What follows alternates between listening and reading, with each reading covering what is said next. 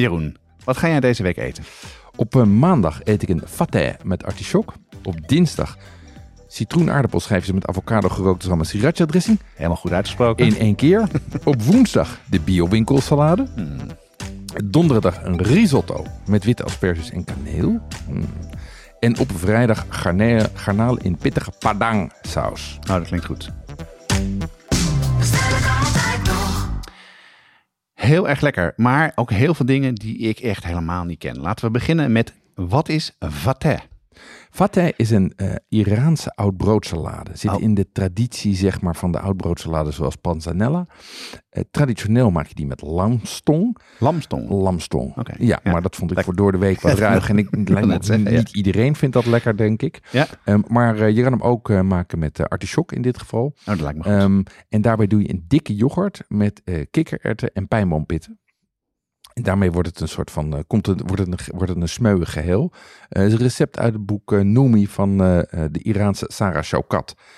En zij, ik had even contact met haar en ze zei, dit is best een allerhande gerecht. en dus wat dan? toegankelijk. Nou ja, dat het toegankelijk is. Ah, dat het Iraanse keuken is natuurlijk niet voor iedereen voor de hand liggend. Maar dit is goed te doen, ja. Maar eh, ik ben ook heel erg benieuwd, of ben ik er heel erg benieuwd naar, naar de bio-winkelsalade. Een beetje flashback naar mijn jaren 70 macrobiotische jeugd. Ja, dat, dat komt ook uit zo'n winkel. Oh ja? ja, ja, ja. Oh, uit zo'n winkel Maar- waar je moet zoeken naar lekkere dingen. Dat is wel goed. Ja, ehm, ja het is heel grappig. Het komt van eh eh, Wilmoed Bezoen, schrijfster van de Saladebijbel. Oké. Eh, die werkte als tiener in de biowinkel en maakte wekelijks deze salade. Oké. Ehm, en eigenlijk alles wat ze lekker vond in de winkel, dat gooide ze in één schaal. En daar deed ze een dressing eh, op.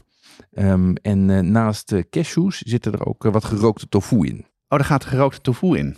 Ja, dat zijn blokjes eh, tofu. Die zijn warm gerookt, zoals je bijvoorbeeld rookworst of, eh, of zalm ook eh, warm kan roken. Oké. En dat houdt, daardoor blijft de consistentie zacht, maar er komt een soort van uitgesproken rokerige smaak bij.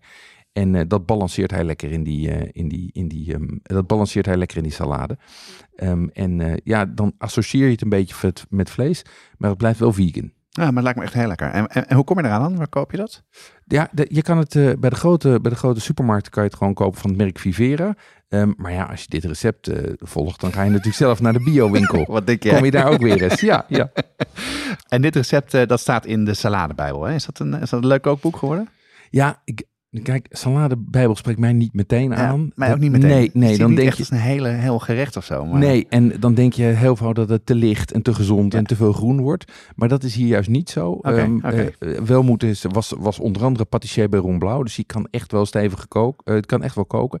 En die maakt hier stevige salades. En ik vind voor de, voor de zomer echt een topboek om eens eh, te variëren op de niçoises of, of andere salades. Zeker Ja. Hey, dan maak je ook risotto met kaneel en asperges. Krijg je daar dan geen ruzie over met de Italianen? Ja, dat zou je zeggen, hè? maar dit is echt een authentiek Italiaans eh, recept. Dat komt uit de omgeving van Venetië. Daar gebruikten ze ook eh, kaneel in dit soort, eh, in dit soort bereidingen.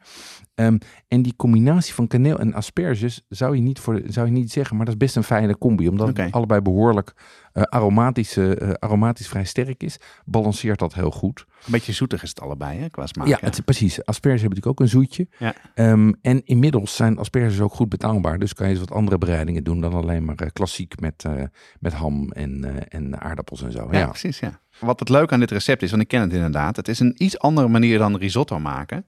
Je gebruikt bijvoorbeeld eh, daarvoor carnaroli rijst. Dat is wel even zoeken, maar dat staat ook gewoon bij de Jumbo en de, in de su- in de Albert Heijn in de supermarkt. Dat is iets drogere korrel. En wat het leuke hieraan is, want mensen denken risotto lang boven de pan staan en roeren. Hier pas je eigenlijk de, de, eh, het bouillon af, Mhm. doe je in de pan met de risotto, deksel erop, timer aan, dan is het klaar. Het werkt echt super. ja je hoeft Ja. niet te roeren, niks te doen. Nee, dat is hè? fijn hè? Ja, heel ideaal. Ehm, nee, ik vind het ook een, eh, ik vind het een ideaal gerecht.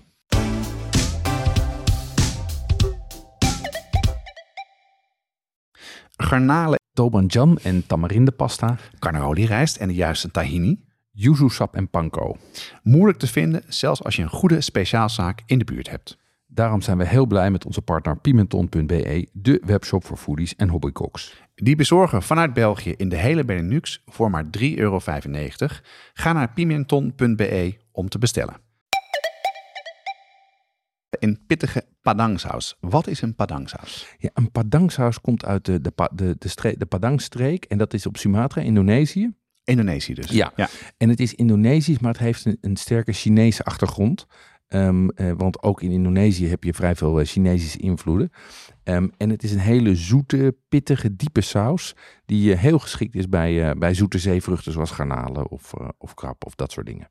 Hoe ben je hier aangekomen dan, aan dit recept? Ja, ik, ik ben zelf op Sumatra geweest en ik heb het daar gegeten. Ehm, eh, langs een meer waar ze op dat moment uh, rivierkreefjes aan het vissen waren. En die, eh, die werden dan dus uit het water gehaald en dan kon je ze aanwijzen. kon je, werden ze gewoon levend voor je bereid. Ja? Ehm, eh, en dat werd geserveerd met deze saus. En ik kende hem niet en ik was meteen verkocht.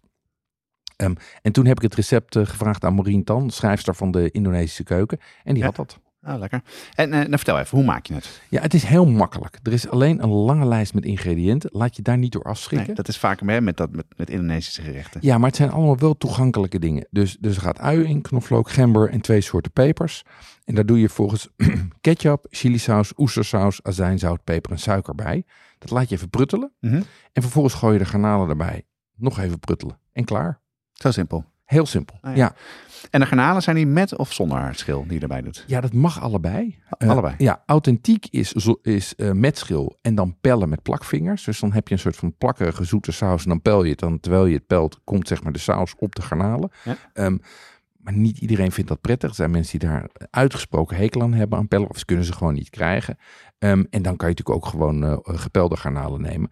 Maar als je ze kan krijgen of nog op liggen, kan je ook rivierkreefjes of kreeft of krabscharen of wat dan ook doen. Dat kan eigenlijk met alles. Ja? Ehm, ja, zelfs kokkies of mosselen of oesters kun je er gewoon zo in gooien. Oh, wauw. Ja, Hey, en eh, dat is dan eh, de garnalen in de saus. Wat, wat Aha. eet je er dan verder bij? ja, zoals met alle Indonesische gerechten eet je daar natuurlijk rijst bij. Ja. Ehm, en ik zou er dan iets van geroerbakken groenten bij doen. Weet je, pak choy of eh, broccoli of snijbonen of ja, net wat ik tegenkom.